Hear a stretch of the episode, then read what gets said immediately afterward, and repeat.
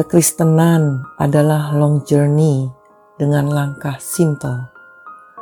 Matius 70 ayat 20 berkata, Sesungguhnya sekiranya kamu mempunyai iman sebesar biji sesawi saja, takkan ada yang mustahil bagimu.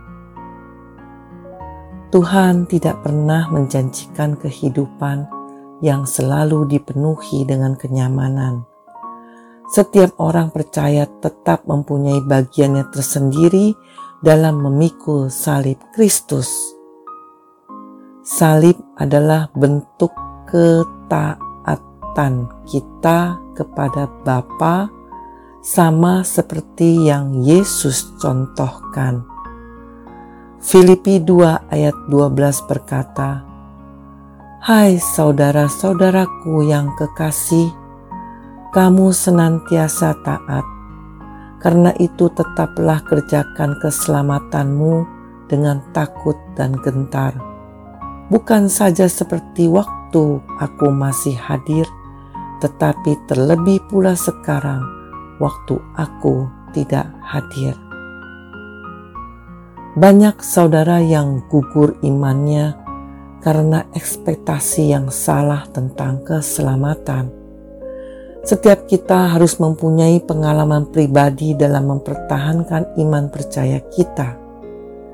Yang namanya musim ujian, cobaan, pergumulan, kekeringan, kekhawatiran tetap harus kita jalani dan lewati dalam perjalanan iman kita.